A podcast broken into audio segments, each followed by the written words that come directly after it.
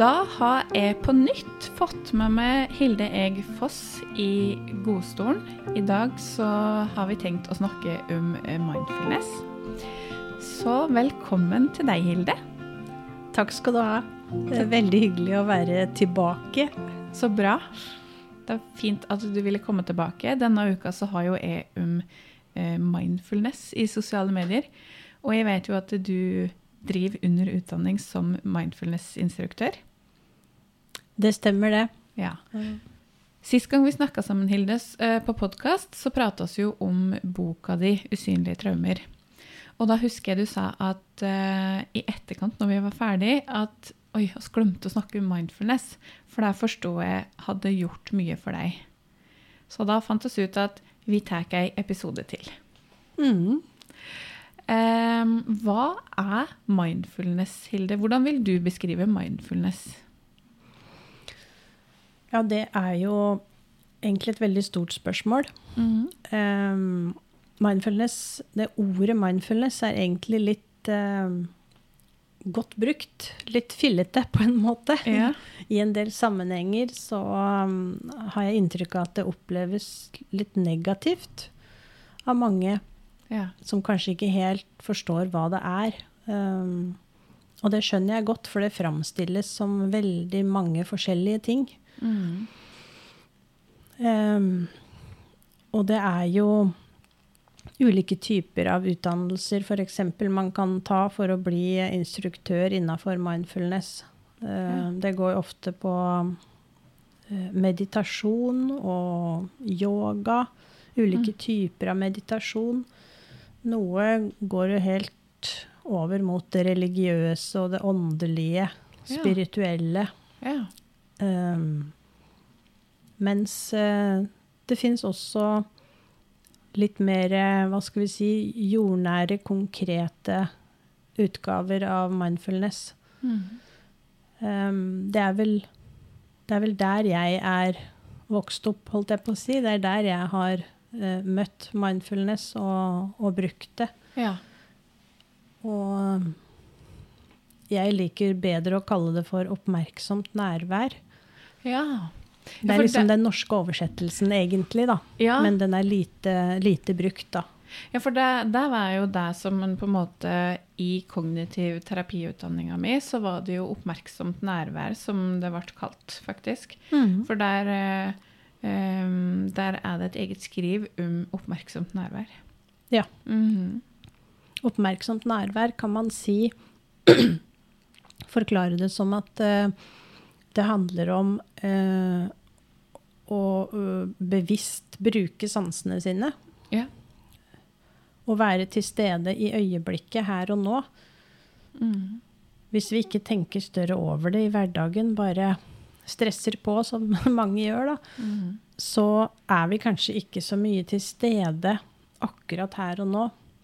Og så er jo veldig ofte, som du sier, i en litt sånn stressende hverdag, eh, kan jeg merke at det er kanskje mer i framtida. At jeg hele tida er i forkant, og hva jeg skulle ha gjort neste gang, og neste, og hva jeg skal gjøre neste. At jeg ikke er til stede i det jeg driver med eh, der og da, da. Mm. Men at jeg hele tida tenker å, jeg burde ha vært der og gjort sånn, og så skulle jeg gjort sånn, og så. Ja. Det stemmer nok. Det er nok Mm. mange som kan kjenne seg igjen i. Og bilkjøring er jo et godt eksempel på å ikke være til stede i øyeblikket. ja. Eh, selv om det hørtes kanskje litt dramatisk ut, men jeg tror mange kan kjenne seg igjen i det der med å stresse av gårde, skal kjøre og hente barn i barnehagen i full fart og skal hjem og lage middag og gå på et møte om kvelden, og alt skal rekkes. Og så, når du kommer til barnehagen, så husker du ikke at du har kjørt dit. Nei. Fordi at man har vært så opptatt av alt som skal rekke, og ting som kanskje har skjedd på jobben før du satte deg i bilen. Ja. Sånne ting som bare spinner i vei oppi huet, som gjør at man sitter der og kjører bil og aner ikke Mm. hva som skjer egentlig. Det går helt på automatikk, da, eller autopilot. Ja, ikke sant.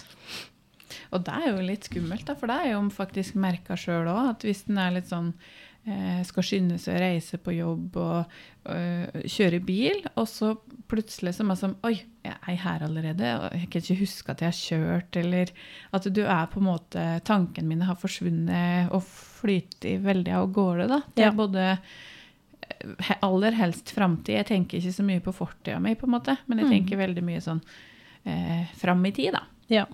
Mm. Men det er nok også mange Altså jeg som uh, har uh, hatt psykiske helseplager i mange år, Mm. sikkert mange andre med meg òg, som ikke nødvendigvis har noen diagnose psykisk, men uh, jeg tror det er også mange som kan kjenne seg igjen i det der å, å leve veldig i det som har vært, altså veldig Mm. opptatt av tanker om eh, enten om langt tilbake i tid, ting som preger livet i dag, traumer, sånne type ting, men, Mm. men også eh, nærmere nåtid, da, men allikevel fortid, at man tenker på hva man burde ha gjort, eller burde ha sagt, eh, og sånne ting på mø Ja. møtet som var i, i går, eller før i dag, eller forrige uke, og ja. at man liksom Hvorfor sa jeg ikke det? Ja. Hvorfor sa jeg dette? For det er jo, når du på en måte hele tida stiller spørsmålet hvorfor, så har jeg Det er veldig sånn fortidsretta. Hvorfor gjorde jeg ikke dette? Og litt sånn bebreidende, på en måte. Og så prøver en å finne svar i fortid. mhm, Det er ikke mulig. Fortida er spist. Du får ikke på en måte gjort noe med det. Du får ikke gått inn og endra noen og sånn. Men det du kan få gjort noe med, er jo her og nå. mhm. Og det er jo der mindfulness kommer inn, da. Det er akkurat det. Mm. Mindfulness eh, eller oppmerksomt nærvær. Mm. Eh, trening i det kan jo hjelpe veldig bra på å eh, øve seg på å være til stede her og nå, Mm. og være bra nok for seg sjøl akkurat nå. Mm. Og det som jeg har sagt og gjort, og slik det ble i går, det ble sånn det ble. Ja. Å klare å akseptere. Akseptere er et veldig viktig ord, da. Både i eh, endringsarbeid eh, i psykisk helse og i forhold til mindfulness, da. Mm. Eh, aksept, Aksept av det viktig. som man eh, registrerer skjer. Mm. Og det som har skjedd, det ble sånn. Mm. Det får vi ikke gjort noe med. Nei. Det jeg kan gjøre noe med, er hvordan jeg forholder meg til det som har skjedd i dag. Mm. Akkurat nå. Akkurat nå. Jeg kan velge å si til meg sjøl at det var dumt at jeg ikke klarte å eh, reise meg opp på foreldremøtet og si mer om si hva jeg mente, at selv om det var imot alle de andre osv. Mm. Det tar meg ingen steder. Hvis jeg isteden klarer å si at ja, det var dumt, kanskje skulle jeg ha, ha sagt noe mer på det møtet, men jeg skjønner jo godt at jeg syns det var vanskelig. Mm. Når jeg var klar over at ingen andre var enig med meg, Mm. så er det vanskelig å være den som står opp og, og sier noe helt annet. Ja. Så det er ikke noe rart at jeg syns det var vanskelig. Mm. Da kan jeg tenke om hele situasjonen på en helt annen måte og slappe mer av, akseptere at eh, det, det ble sånn det ble. Ja, for du, du gir, gir deg sjøl på en måte den anerkjennelsen, da. Akkurat det. Anerkjenne at det er greit at jeg føler at jeg føler det jeg føler nå. Um, og den aksepten, ikke sant? Mhm. Mm. Det er det. Um, hvis vi skal komme litt tilbake til det der med hva uh, oppmerksomt nærvær eller mindfulness er, da, Mhm. Så, så har du egentlig tre deler. Da. Det er det oppmerksomme nærværet med sansetrening og øve seg på å være til stede her og nå. Mhm. Og så er det det som heter mindful meditasjon, eller oppmerksomt nærværsmeditasjon. Ja. Um, hvor man øver mer på, på å registrere hva som skjer på innsiden. Mhm. Hva jeg tenker på, hva jeg føler, hvilke kroppsfornemmelser jeg har akkurat nå. ja. Og jobber med å øve på å forholde meg til det jeg registrerer akkurat nå. Igjen akseptere det på en måte du registrerer og kjenner Ja. akkurat nå, da. Mm. Istedenfor å kjempe imot hvis jeg kjenner at oi, nå er jeg i ferd med å bli sint. Mm. Så istedenfor å, å kjempe imot og prøve å late som jeg ikke er sint i det hele tatt, Mm. så kan jeg altså jobbe med å akseptere at jeg er sint. Ja. Ja. Og da vil den, det sinnet få mindre makt, da det vil smuldre bort. Ja, når man ikke prøver å unngå det, men går, gjennom, går inn i det isteden. Mm. Og, og dette der du sier der er jo så viktig, for sånn er det jo med, eh, med skam, med angst, ikke sant? Når trollet kommer fram i skyggen, så sprekker det. Ikke sant? Det, nei, I sola. i, i sola så sprekker det. Så det er litt sånn den, den derre eh, Til mer oss på en måte akseptere det, til mer oss på en måte eh, tør å møte det, tør å snakke om det, eh, til mindre farlig blir det, til, til mindre vil det bli, da. Mm. Så jeg tenker at eh, ja, det er veldig, veldig viktig dette med å aks akseptere og tørre på en måte å tåle det, rett og slett. slett. Ja.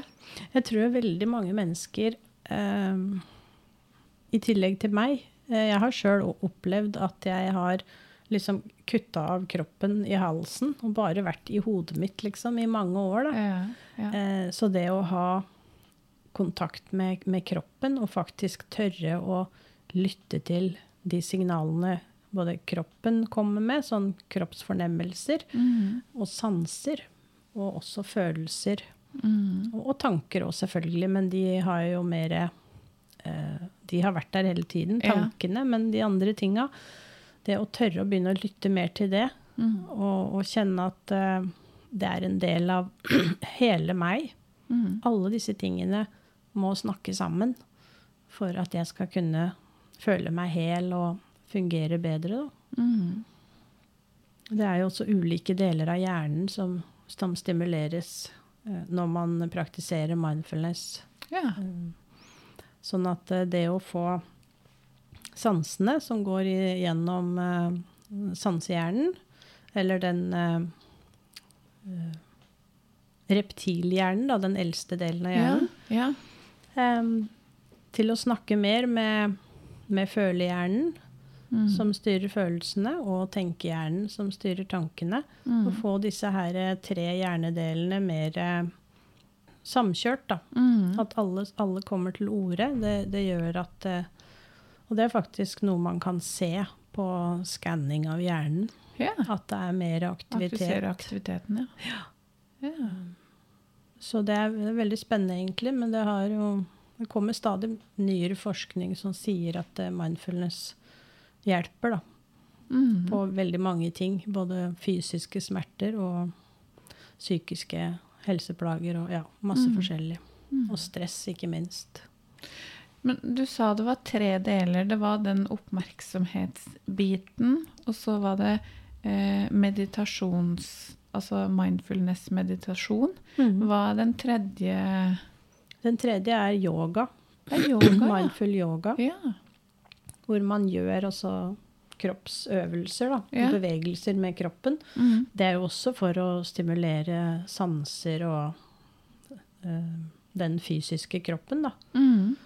Ehm, for å, som jeg sa, få disse tingene, altså disse forskjellige delene av hjernen til å samarbeide bedre, da. Mm. Og så har han jo hørt Jeg har jo hørt om eh, sånn mindfulness-spising, mindfulness-drikke. altså at du på en måte eh, bruker sansene dine. Du kjenner ordentlig på smaker. Du kan skille ut ulike smaker. At eh, det også er en litt sånn type mindfulness, da. Det er oppmerksomt nærvær. Ja. Eh, i, det, er sånne, det er sånne øvelser vi gjør da, for å Ja. eh, bruke sansene. Ja, ja for eh, i kognitiv terapi, da, som jeg jobber med, så er det jo oppmerksomt nærvær, som jeg sa. Og der har vi jo noen øvelser, i hvert fall i forhold til dette med grubling og bekymring, når jeg jobber med det. Så er det jo dette med å bruke sansene sine, bruke pusten. um, og sånne type øvelser som er da Mhm. oppmerksomt nærvær, da. Mm. Men hvordan var det mindfulness hjalp deg, Hilde? Jeg ble kjent med mindfulness når jeg kom til Modum Bad. Jeg. Mm.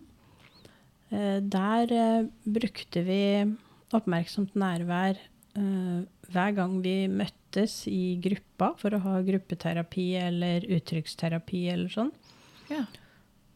så var det noen minutter på starten av timen der vi satt og kjente underlaget mot kroppen, kjente bena i bakken, føttene, og hvor var pusten hen, og liksom bare satt der og var, var i rommet, prøvde å lande i rommet, da. Så det ble brukt systematisk eh, på den måten, da. ja. Og så i løpet av uh, oppholdet så ble jeg jo mer klar over at uh, det var oppmerksomt nærvær, da. Mm. Vi hadde jo også en Noen timer Skal vi se om jeg husker hva det het for noe, da. Kanskje det het oppmerksomt nærvær, den, den gruppa. Eh, Det var noe jeg bare husker vi hadde noen timer med. Vi hadde ikke sånn hver uke gjennom hele oppholdet, men vi hadde i hvert fall den, en veldig berømt eh, rosinøvelse. Oh, ja. Som er veldig kjent i forhold til mindfulness. Den er vanlig å bruke på forskjellige kurs og alt mulig slags, da. Eh, hvor man altså tar en rosin, og skal man bruke alle sansene vi har på å undersøke den rosinen. ja. Får ikke lov å snakke sammen eller noe sånt. Alle sitter der med hver sin rosin og er i for seg sjøl. Mm. Og undersøker den da først. Kjenner på den med fingra, så ser du på den med alle mønstrene og alt det skrukkene. Og så skal du høre på den, om det hva skjer når du pirker litt på den, eller liksom rister på den, eller et eller annet sånt. Ehm, og så skal man Man skal slippe å snakke med den, men du skal i hvert fall smake på den også, da. Og lukte sikkert. Og luk, lukte ja. sikkert òg, Ja. ja. ja. Ja. Så da bruker den alle sansene til å undersøke den. ja. Eh, Det er jo en fin øvelse, da. ja. Eh, jeg bruker en øvelse som heter 54321. Har du hørt om den? Nei, Nei. den har jeg ikke hørt om. Fordi at det er litt sånn der for å hente det tilbake her og nå. Det handler også om å bruke sansene dine. For da, da begynner du på fem, og da skal du se rundt deg, og så skal du finne fem ting du ser. Og når du har funnet de fem tinga, så skal du finne fire lyder du kan høre. Og det er jo litt sånn, ikke sant, hvis det er ganske stille rundt det, så må du virkelig konsentrere deg for å finne og skille ut fire lyder, da. Mhm. Eh, og når du har funnet lyden, så er det tre ting du kan føle. Altså, eh, altså du kan kjenne, da, f.eks. som du sa, beina i, eh, mot underlaget, ryggen mot eh, stolen, hårstrikk i håret, briller. Sånne type ting. Mm. Og så skal du finne to ting som du kan lukte. Og så skal du finne én ting som du kan smake. Ja. Og da er du veldig Altså, når jeg har brukt den øvelsen der, da, så når jeg begynner med lytting, så er jeg tilbake til her og nå med en gang. ikke sant? Mhm. For det, det er veldig sånn da, da er jeg akkurat i nuet. Mhm. Mm. Det kan også være øh, veldig utfordrende. Mm. Sånn at eh, det å skulle ta kontakt med kroppen og sansene sine kan bli triggere. Ja.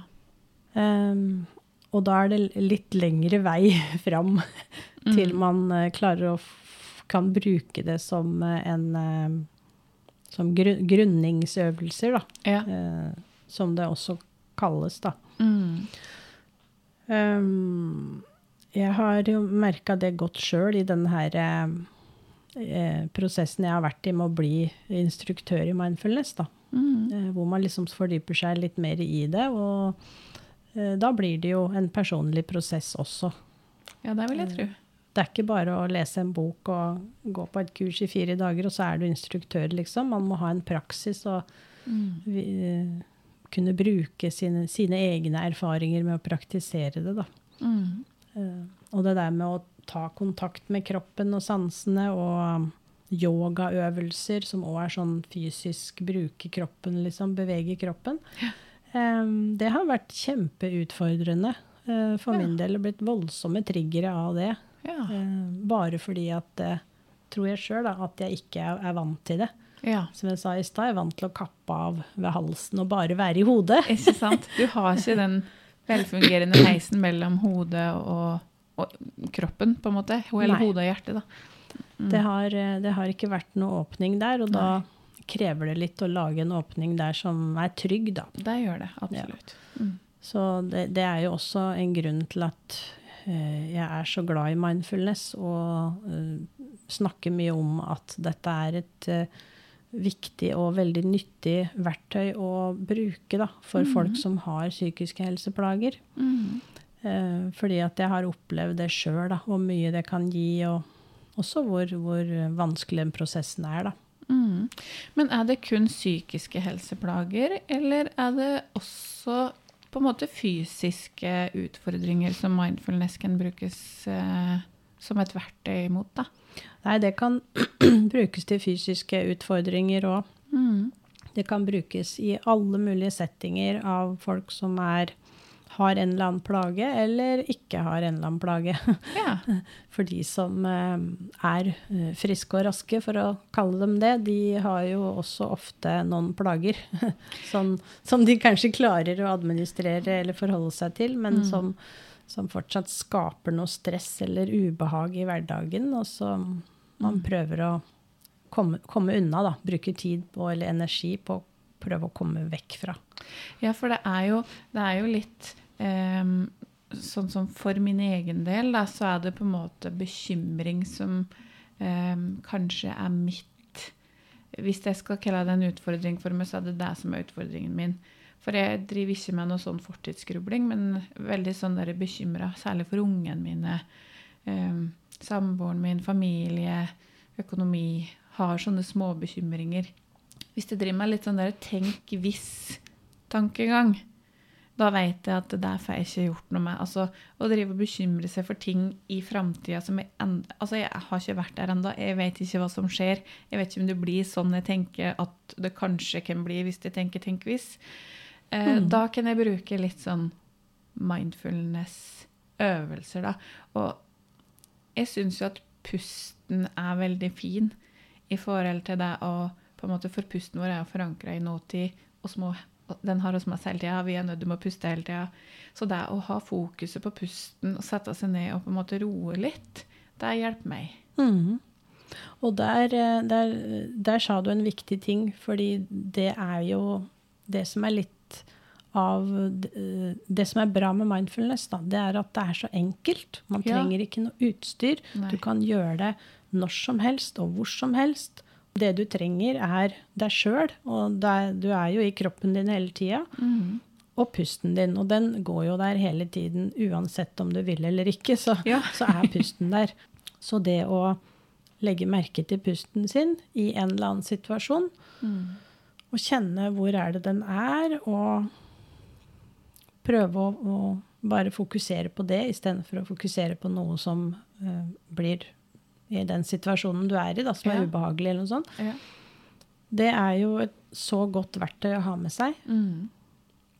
Og så, det er så enkelt og, og, og gratis, da, for du trenger ikke å ha en ryggsekk med utstyr med deg, eller det er liksom ikke noe Nei, du, du bare trenger det sjøl. Og så er det dette med å eh, kanskje minne seg sjøl på litt sånn at ehm, Jeg tenker jo i en stressende hverdag minne seg sjøl på å ta seg noen sånne pustepauser. jeg, Da. Mhm. At det er veldig nyttig. Sette seg ned i Du har jo tid i en travel hverdag til å bruke ett minutt på å bare puste dypt med mm. magen, tenker jeg. Ja, det skulle de fleste klare å få til. Ett minutt. Ett minutt tre ganger om dagen, så er mye gjort. Eh, jeg merker jo også hvis jeg er litt sånn Hvis jeg har klart å sette timen mellom dem som kommer mot meg, litt sånn tett, eh, og så har jeg gått litt over tida, og så bruker jeg litt lang tid på å skrive, og så er det neste, og så blir det litt sånn stressende, da setter jeg meg bare i godstolen eh, inne på terapirommet, og så bare puster jeg i ja, Tar noen magedrag, og så allerede da har jeg på en måte fått roa kroppen litt. Mhm. Da har jeg ikke det stresset. Det er jo faktisk sånn at pusten vår er, er jo kobla til overlevelseshjernen. Ja. Den delen som vi ikke kan styre. Mm. Så vi kan jo ikke holde, holde pusten for å ta livet av oss sjøl. Det, det går ikke. Den går automatisk uavhengig av hva vi vil. Mm. Um, det å trekke pusten dypt ned, det gir altså mye mer Jeg husker ikke nå akkurat uh, antallet, men jeg tror det er omtrent dobbelt så mye, tror jeg, blod som blir uh, pumpa rundt Ja. av å trekke pusten dypt, enn av å puste helt oppi halsen. ja. Uh, og det også dyp pust ned i magen, hvis man får til det, det vil også signalisere ro til kroppen, slik at det, det vil eh, bremse ned stressystemet vårt. Da. Som Mm. Stressystemet er jo overlevelsessystemet, som altså kobla til overlevelse. Da. Mm. Og det blir også da litt bremsa da, Ja. av dyp pust. Så disse tinga henger jo sammen med at vi klarer å Ja. roe oss ned ved å, ved å puste på den måten. Da. Men nå vil jeg også understreke at uh, mindfulness handler, handler ikke om å puste på en spesiell måte. Eh, mindfulness handler om å registrere hvordan man puster akkurat nå. Bare legge merke til hvor har jeg pusten nå. Mm. Hvis jeg er i en ubehagelig situasjon, eh, så kan jeg kjenne Oi, hvor, hvor er pusten min nå? Å ja, der var den, ja. Ok. Og så bare Ja, da har jeg det ikke helt bra akkurat nå, kjenner jeg. Nå er jeg nok litt redd, Mm. siden pusten er der. Mm. Men man skal ikke prøve å endre på det man registrerer. Man skal bare registrere, hvordan det er. og akseptere. akseptere. Ja, ikke Ja. sant. Ja.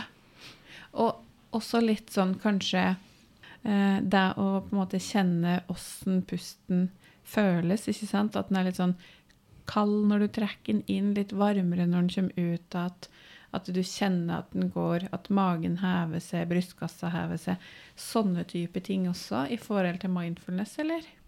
Ja da. Ja. Det, er, eh, det er veldig mye man kan uh, bruke. Det blir jo sånn uh, sansene på en måte, da. Dette er med Ja, for det forskjellige er temperaturer og Bare kjenne etter hvordan det er for meg akkurat nå. Mm. Og da kan man jo, hvis man finner noe man ikke har venta, uh, f.eks. at å, nå kjenner jeg at pusten var jo veldig kald, den som jeg trekker ned. Jeg kan kjenne helt ned i magen hvor kaldt det var, f.eks. Og så kan man jo spekulere på hvorfor det var sånn, da.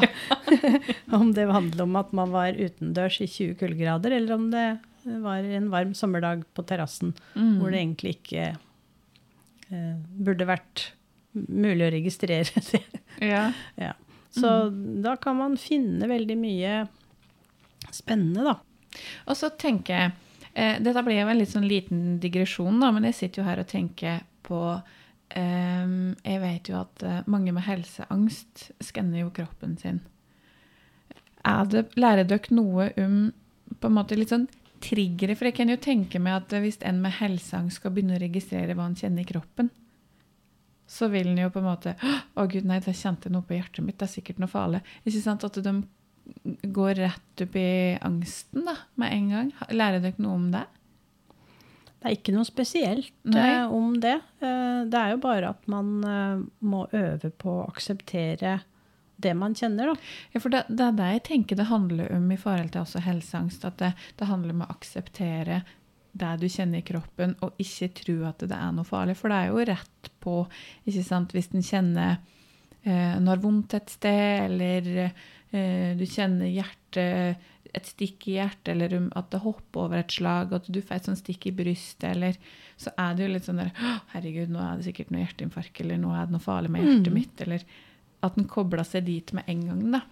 Jeg tror jo det at mange kanskje kan, kan kjenne på forskjellig ubehag i kroppen når man begynner å, å kjenne etter. Mm. Når man virkelig begynner å lytte innover, så Du kan det jo sikkert komme forskjellige ting Ja, ja, som man ikke kanskje registrerer ellers, da. Ja. Uten at man eh, har helseangst. Eh, jeg har ikke noe kjennskap til akkurat helseangst. Nei. Eh, men uh, angst i andre former, en del kjennskap til det, ja.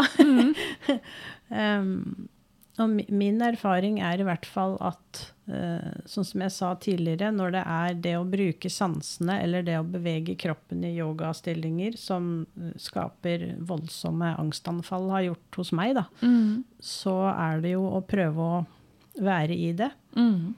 Jobbe med å puste, tenke på pusten, Og bare eh, rett og slett Altså bare, det, det er jo ikke enkelt, da, men altså det å tåle ubehaget som er akkurat nå, Ja. Og vite at det går over. ja, det skjønner du ikke så mye av akkurat da. Men, men jo, altså når man øver og Ja. øver og øver, så etter hvert så skjønner man at eh, OK, Mm. nå blir det jævlig igjen, men det kommer til å gå over. Ja, for erfaringen min tilsier at sist gang så gikk det over. Det vil det gjøre nå. Ja. For det er jo litt dette med den der følelseshjernen som du sa, da, som lagrer de erfaringene, og som på en måte henter den fram at i samme situasjon Og da vil den hente fram at den angsterfaringa, for det er det Mm. han har lært. Og, og det er jo det som på en måte Når en da eksponerer seg for det, så vil en skaffe seg nye erfaringer på at å ja, det var kanskje ikke så farlig likevel, da. Ja. Og da vil man etter hvert eh, få mindre og mindre Mhm. angst, og så roer det ned, da. For det går jo Mhm. fortere over når man møter det, istedenfor at man jobber masse med å prøve å unngå å kjenne på det eller å møte det. Eh, Da skaper man seg bare doble problemer, egentlig. Mm. Men at det er enkelt, det er det ikke. Nei, det er det absolutt ikke.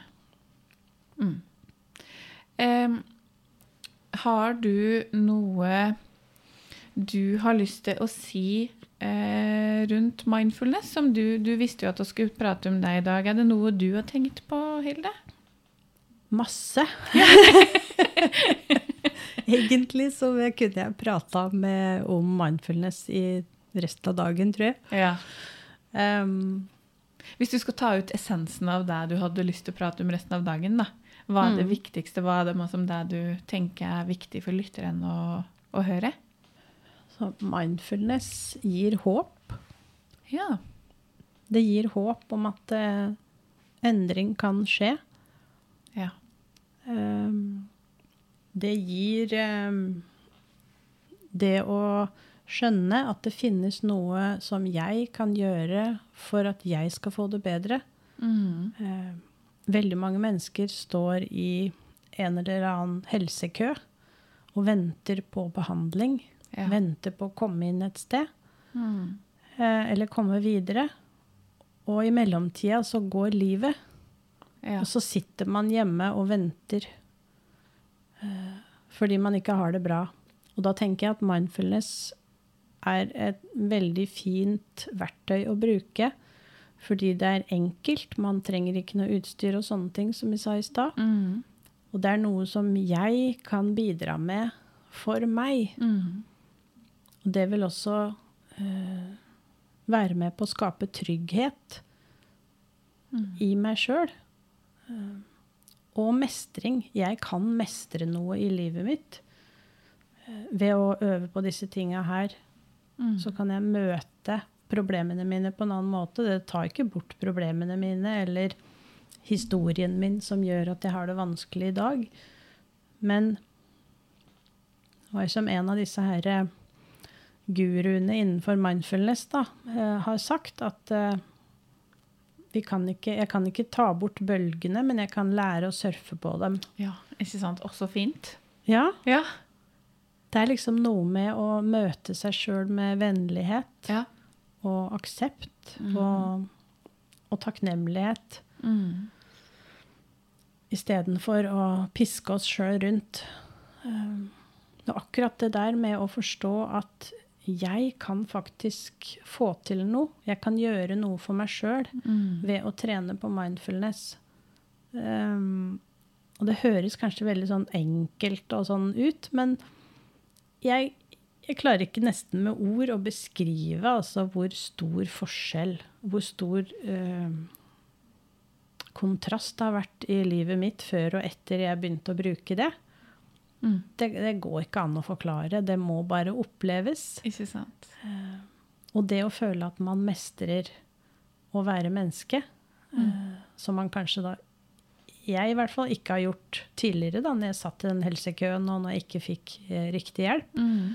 Så følte jo ikke jeg at jeg mestra livet, for det, alt ble jo bare grøt hele tiden. Men med mindfulness så føler jeg at jeg mestrer å være i livet.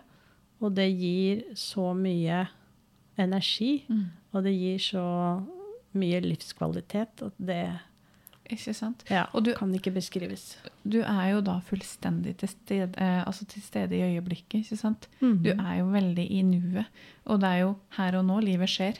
Ja. Det er jo ikke i går eller i morgen. Det er akkurat Det det. er akkurat nå, ikke sant? Det er nå det foregår. Mm. Og det å få oppleve på en måte eh, Å ha verktøy som kan på en måte hjelpe deg med å være til stede her og nå, det er jo, det er jo gull verdt, tenker jeg. Mm. Mm. Jeg sitter og lurer på deg, Hilde. Har du en spesifikk øvelse i mindfulness som du har lyst til å lære bort på, til lytteren i dag? Ja, det kan jeg godt gjøre. Ja, så bra. En kort og enkel øvelse. Mm. Eh, Denne her er egentlig veldig fin, for du kan gjøre den så lang du vil. For det er snakk om å telle. Så du kan Ja. telle til ti, eller du kan telle til 800. Det velger du jo sjøl. Men vi kan jo telle til ti her i dag, da. Mhm. Sett deg godt til rette på en stol. Kjenn etter hvordan kroppen din kjennes ut i møte med underlaget på stolen du sitter på. Hvordan kjennes bena dine ut i møte med underlaget?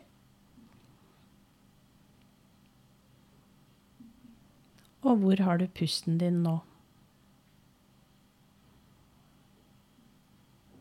Du trenger ikke å endre noe, bare kjenne hvor, hvordan pusten din oppleves akkurat nå.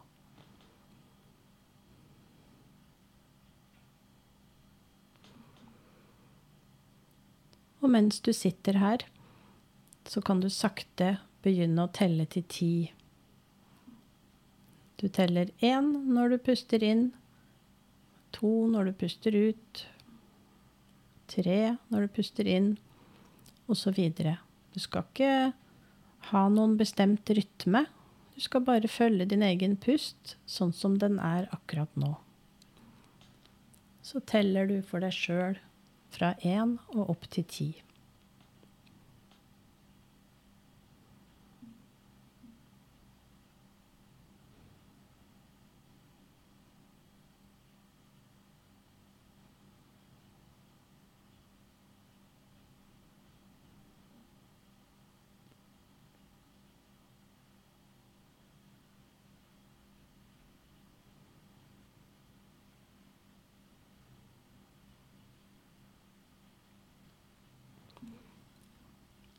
Så kan du utvide øvelsen til å telle ned igjen til én, hvis man ønsker det.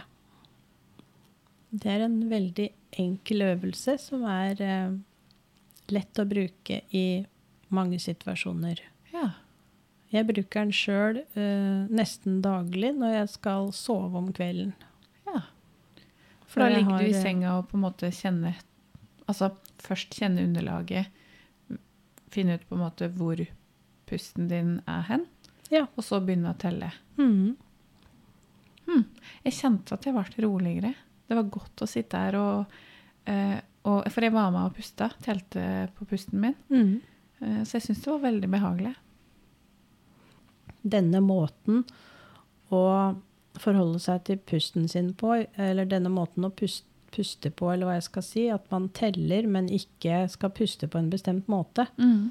Det er vel det som skiller den her enkle, praktiske, jordnære mindfulnessen fra andre typer mindfulness. Ja.